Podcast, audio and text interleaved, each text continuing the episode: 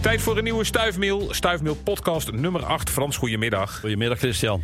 Laten we maar eens, eens, maar eens met de, de, de koude actualiteit beginnen. Ja. Het, het is fris en het voelt nog steeds veel frisser ook. Ehm, als je nou geen mens bent, maar je bent een vogeltje... je hebt warme veertjes, heb je dan helemaal geen last van die kou? Nee, daar heb je helemaal geen last van. Eh, en kijk, de winter gaan ze natuurlijk wel eh, zichzelf wat meer in dekking zoeken.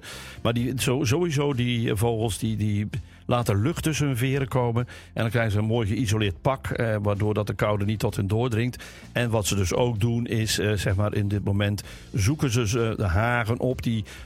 mooi dicht bebladerd zijn, hè, waar dus nog het blad aan zit. En dan kruipen ze lekker dicht bij elkaar. Of ze gaan zeg maar op de grond zitten en dan kruipen dan dicht bij elkaar. Kortom, die beesten weten precies wat ze moeten doen om eh, die koude lekker buiten te houden. Ja, sommige vogels die gaan dan hier de winter doorkomen. Andere gaan op vakantie, die gaan richting het zuiden. Ja. Maar die gaan, die dan, gaan die dan de warmte tegemoet of gaan ze dan juist het voedsel achterna? Nou, dat laatste. Warmte maakt niet zoveel uit. Want vogels, ik net al zei, die kunnen heel goed tegen koude. Maar het gaat erom dat er geen, voed, eh, geen voedsel meer voor hun is. Denk je eens aan zwaluwen. Die leven alleen maar van insecten. Kunnen ook niet hun eh, zeg maar voedselbron anders eh, aanpakken. Bijvoorbeeld koolmezen. Die veranderen van insecteneter in, in de zomer, lente eh, tot, tot aan de herfst. En in de winter wordt het in één keer zaadeter. Dus er gaat in hun maag een totale omwenteling plaatsvinden. Andere enzymen gaan er plaatsvinden. Die dus dat voedsel verteren. Maar die vogels als zwaluwen en zo, die kunnen dat niet. Dus die vertrekken naar het zuiden toe. En daar is dan warmer. Maar het gaat niet om de warmte. Het gaat juist Gaat om het daar heel veel voedsel is. Juist, en daarom blijven de koolmeesjes dus wel hier. Ja, maar de zwaluwen, de zwaluwen onder meer dus niet. Nee. Ehm, maar dan zou ik denken van ja, als ze de, de warmte achterna gaan... dan weten ze wel waar ze naartoe moeten. Want dat voelen ze wel waar het warmer wordt. Maar hoe weten ze nou waar ze het voedsel kunnen blijven vinden? Ja, kijk, die, die vogels hebben dus een ingebouwde computer in zich, denk ik dan bij mezelf. Want ze weten precies waar ze naartoe moeten gaan. Die zwaluwen vliegen dan ook, hè, vooral de gierzwaluwen, die vliegen dan 6000 kilometer ver eh, om daar naartoe te gaan. Omdat daar het voedsel te vinden is wat zij nodig hebben.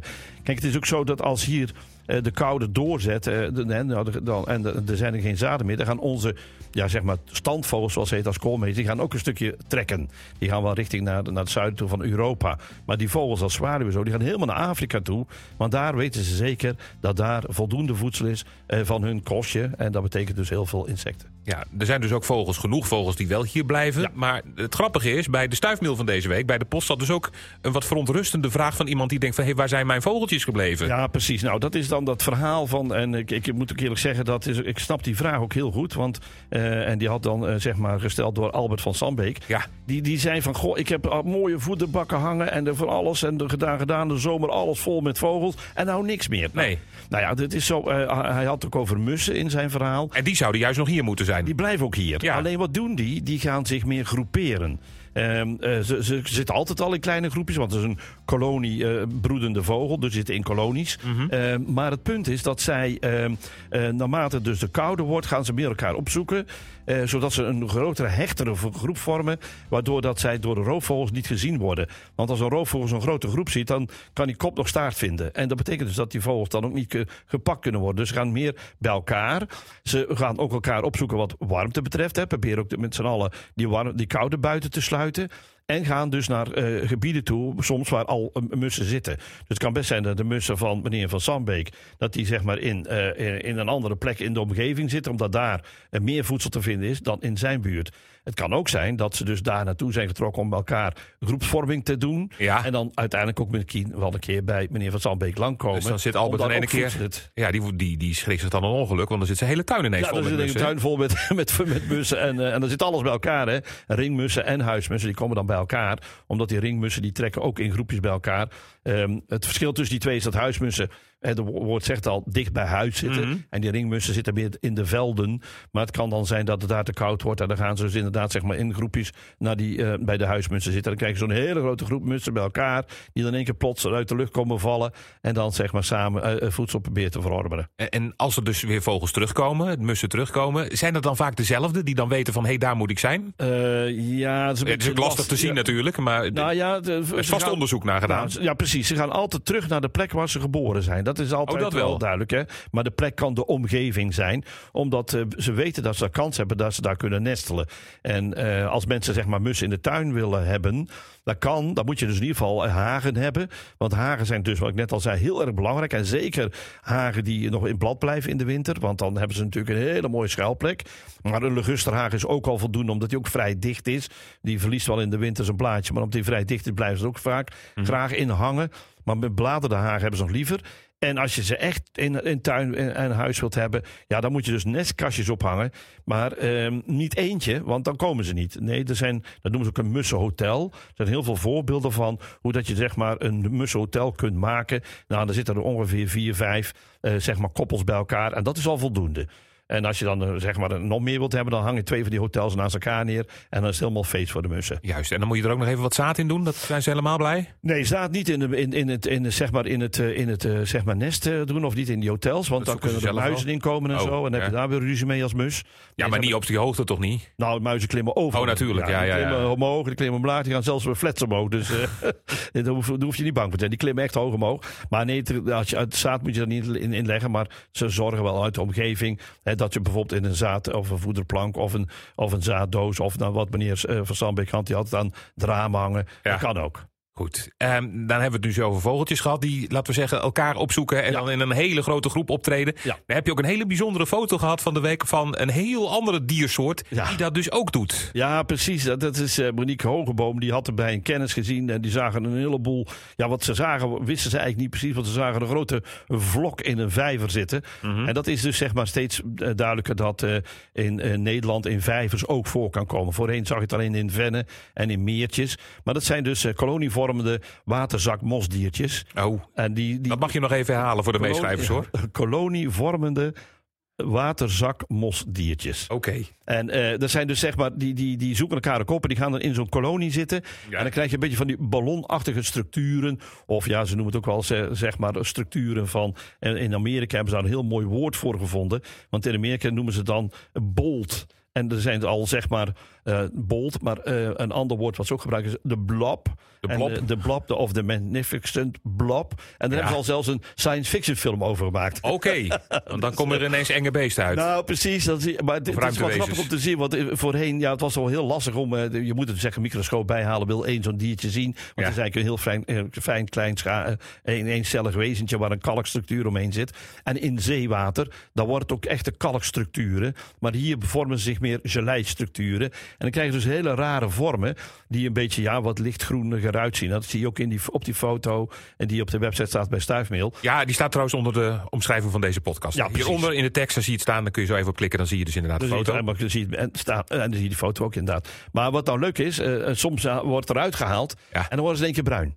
Dus dan, Oh. dan worden die kleuren in één keer bruin. Hoe kan dat Er dan? zijn af en toe voorbeelden op eh, internet waar je in één keer van die bruine massa ziet. Maar dan hebben ze die, eh, zeg maar, die kolonie hebben ze dan eh, boven water Uit getild. het water gehaald. En dan zijn ze dus in dat bruin te zien. En weet je, weet je waarom dat verkleurt dan? Ja, dat is waarschijnlijk door de lichtval dat daar, daarmee te maken heeft. Dus dat in het water blijft het dus een andere kleur houden. Maar boven water, de zon er bovenop en dan krijg je een andere lichtval op en dan krijg je een andere kleur. Ja, ja. Dat zie je ook vaak. bij- Dus ook de, ijsvogel heeft dus zeg maar in feite een, een mooie bruine eh, onderzijde. En waarom is dat nu? Als je dan over het water heen vliegt, dan zien de vissen niet dat die boven het water vliegen. Want dan zien ze iets bruins boven zich, wat een heel apart iets is. Dus dat vinden ze eh, niet, niet schrikwekkend.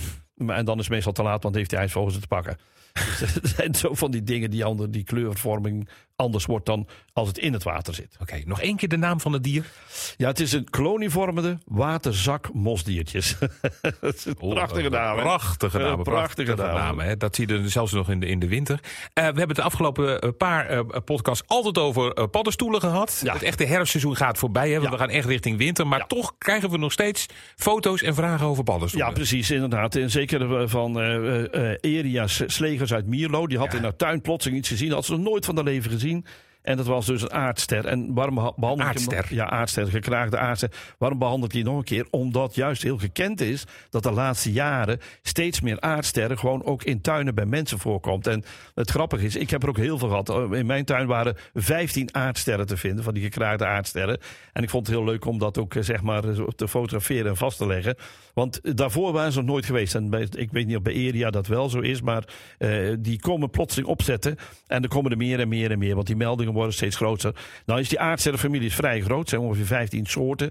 Maar de meest voorkomende is de gekraagde aardster. Maar het is wel heel bijzonder hoe dat ding werkt. Want eerst zie je dan een bolletje. Ja. Dan zie je in één keer twee uh, of een aantal kragen. Vijf, vier, vijf. Die open gaan. Ja. En die slaan dan als een soort ja, kroontje om een bolletje heen. Want er is nog een bolletje wat van binnen zit. En dat bolletje wat dan van binnen zit. Daar zitten de sporen in. En er barst aan de, ja, de bovenzijde komt er een puntje. En dat puntje barst open. Er komt er een gaatje in.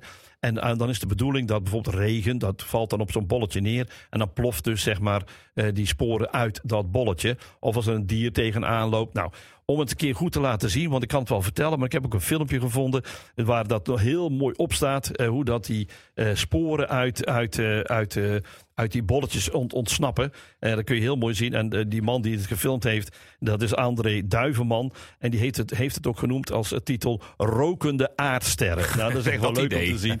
Ja, wat ik altijd doe als ik kinderen bij me heb en ik zie die aardsterren of stuifzwammen, dat zijn ook buikzwammen, dat vallen onder de groep van buikzwammen. Mhm. Mm -hmm. En ik zie dat er eentje open is, dan kom ik, zeg ik tegen die kinderen, kom even gauw kijken, want volgens mij zit er een kaboutertje in. En de kinderen kijken me dan aan en zeggen, ja, zal ze even kijken. En dan tik ik zo zachtjes tegen dat bolletje aan. En dan komt er een, een wolk van, van sporen komt omhoog, maar dat lijkt net rook. Zie je wel, hij is zijn pijp nog aan het roken. Ze komen die kinderen weer terug. Dus de vraag was leuk met de boswachter. Ja, maar die man drinkt mama volgens mij. Daar ziet kabouters. Ja, ja, dat is wel waar. Ja, want we hebben ook kabouter schemerlampjes. Hè. Dus oh ja. Dat vertel ik later een keer de volgende Kabouter schemerlampjes. Onthoud vast, die komen later nog een keer terug. Nog meer paddenstoelen trouwens. Uh, nee, die uh, we hebben nog wel, uh, wat ook leuk is, um, dat er ja, langzamerhand diertjes het huis binnendringen. Ja. En, uh, dat doen de paddenstoelen nog net niet. Dat doen de paddenstoelen nog net niet, nee. Erna van Dungen die dacht dat ze een kever onder haar bank zag wegkruipen. Ja. Nou is het over het algemeen zo dat niet heel veel kevers naar binnen komen. Behalve het bekende lieveheersbeestje, dat is de enige kever. Ja, ja. De meeste die nou binnenkomen in huis zijn dus wansen. Dan heb je al bijvoorbeeld de, de, de bladpoot wans. Dat is al eentje die altijd de, de winter probeert te overwinteren in een huis. Ja. Buiten vind je te koud. Maar ook een, een soort die wat uh, ja, toch bij de Brabantse bodem thuis hoort. Die dan inderdaad zeg maar ook bij Erna binnenkwam. Ja, dat is een hele mooie want hij ziet er fantastisch mooi uit. Jenever Best Kielwans, de Jenever Best Kielwans. Ja. Het is een hele groene wand. Alleen aan, aan, aan de dekschilden uh, heeft hij een bepaalde bruine vorm zitten aan beide zijden. Ja. En die lijkt een beetje op een boemerang. Maar het is fantastisch als je dat een beetje ziet. Maar goed, hij hoort dus niet in huis. Uh, hij hoort thuis bij Naalboom. Want het is een dier wat op Mhm. jeneverbessen zit. En ja, jeneverbessen die zijn er niet meer zoveel te vinden als je in Brabant woont. Want dan zie je maar zelden uh, nog jeneverbesstruiken staan. Vroeger stonden bijna alle heidegebieden vol met jeneverbesstruiken. Mhm. Maar die hebben het heel moeilijk. En vanwege ook die stikstof die nu ons land uh, zeg maar overroelt, om het zo maar te zeggen. En die zorgt ook voor dat die jeneverbes nauwelijks kan groeien. Uh, gelukkig hebben die kevers een oplossing gevonden. Hebben ze andere cypresssoorten gevonden. Waardoor dat ze toch wel zeg maar, zichzelf kunnen voortplanten. Maar het komt heel vaak voor, want dat vind ik toch wel leuk om even te melden, dat mensen het verschil tussen wansen en kevers niet zien. Ik kan me dat heel goed voorstellen, omdat zowel wansen als kevers hebben harde dekschilden, ja. waar onderuit uh, vleugels komen. Over het algemeen, want er ja. zijn ook wansen bij, die hebben geen vleugels meer. Het is al ingewikkeld uh, genoeg, dus die laten we even buiten ja, beschouwen. laten we ja. beschouwen. Maar dus dat, dat is de overeenkomst die je wel hebt, daarom kan ik me voorstellen.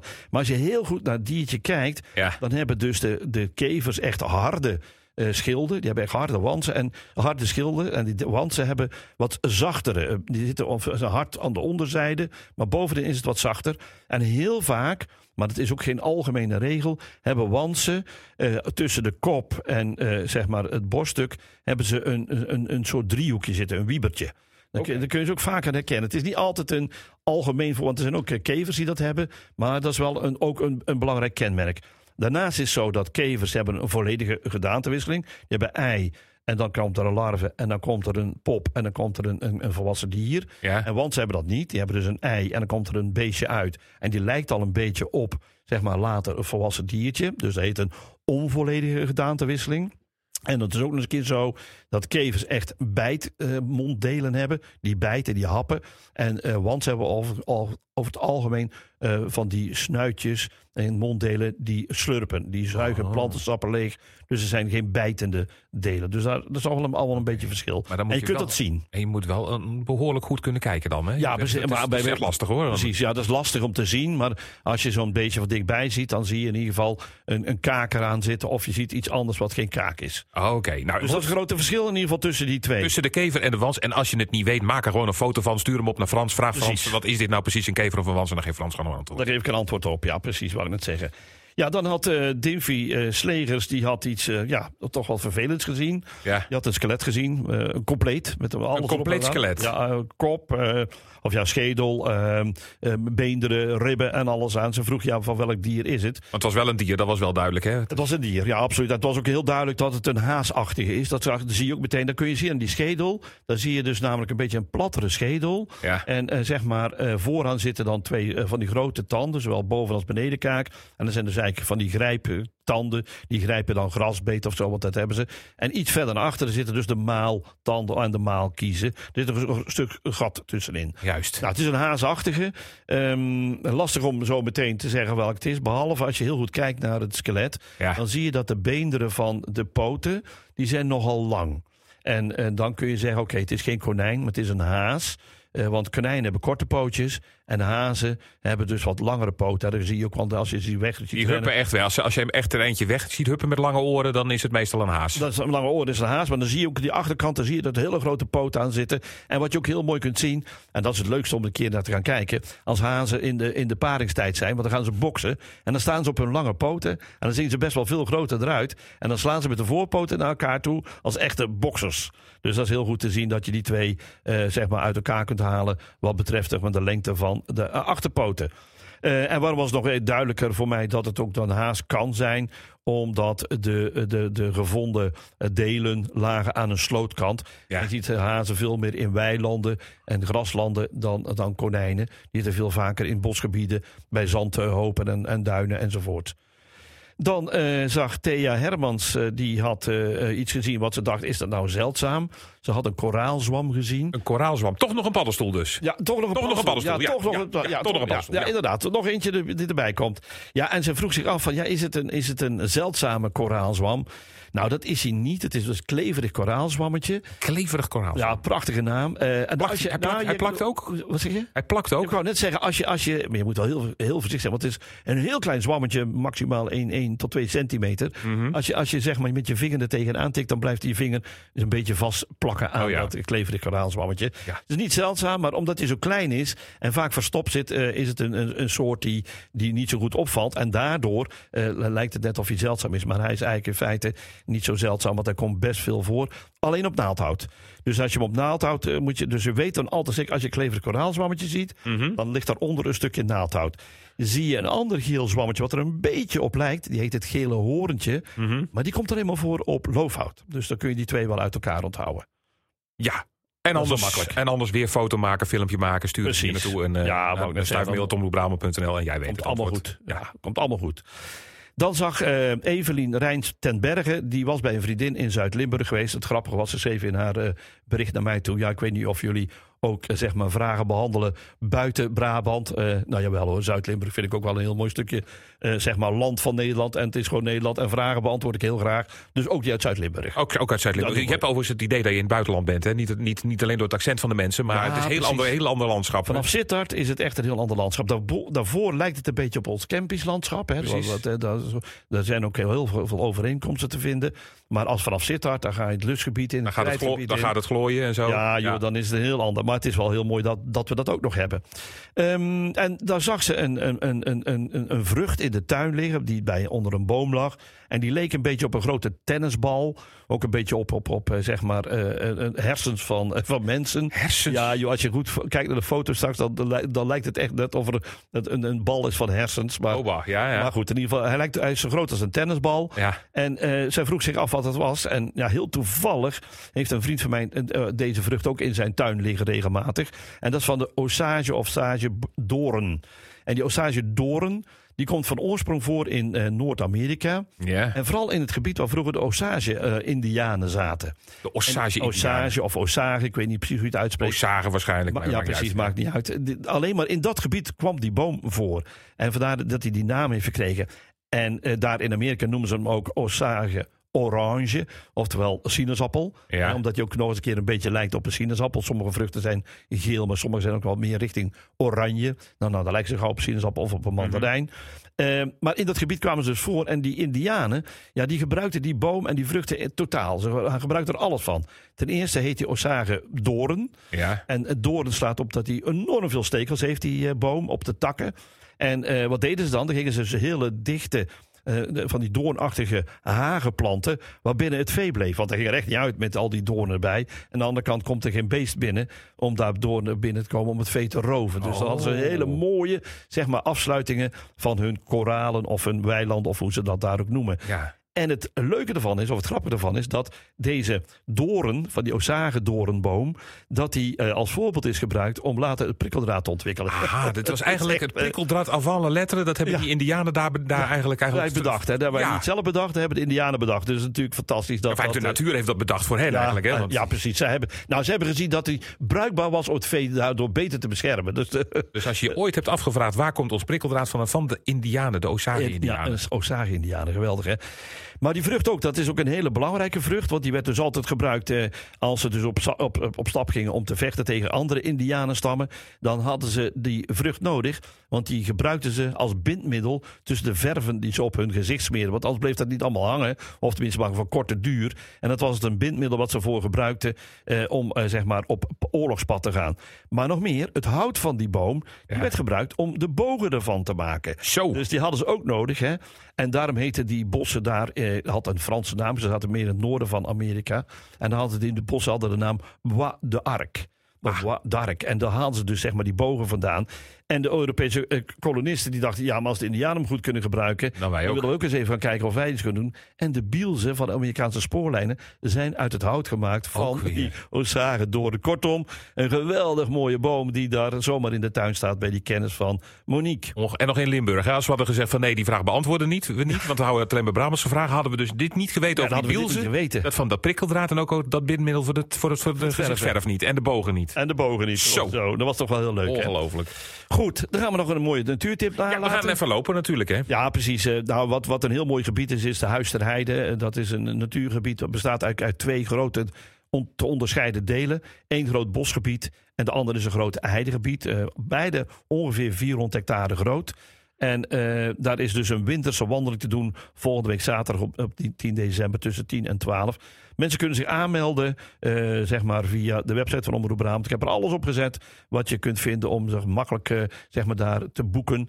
En ja, winterse, winterse natuurgebieden zijn keimooi. Kijk, dit is een beetje guur weer waar de wind nogal door staat. Maar als het lekker vriest en een mooie witte laag eroverheen komt... ja, dan is het in Nederland heel mooi genieten. En alles kun je zien in de link naar het eh, artikeltje, of eigenlijk liever gezegd in het artikeltje waarvan een link te lezen is onder deze podcast. Frans, dankjewel weer. Ja. Tot nummer 9. Tot nummer 9.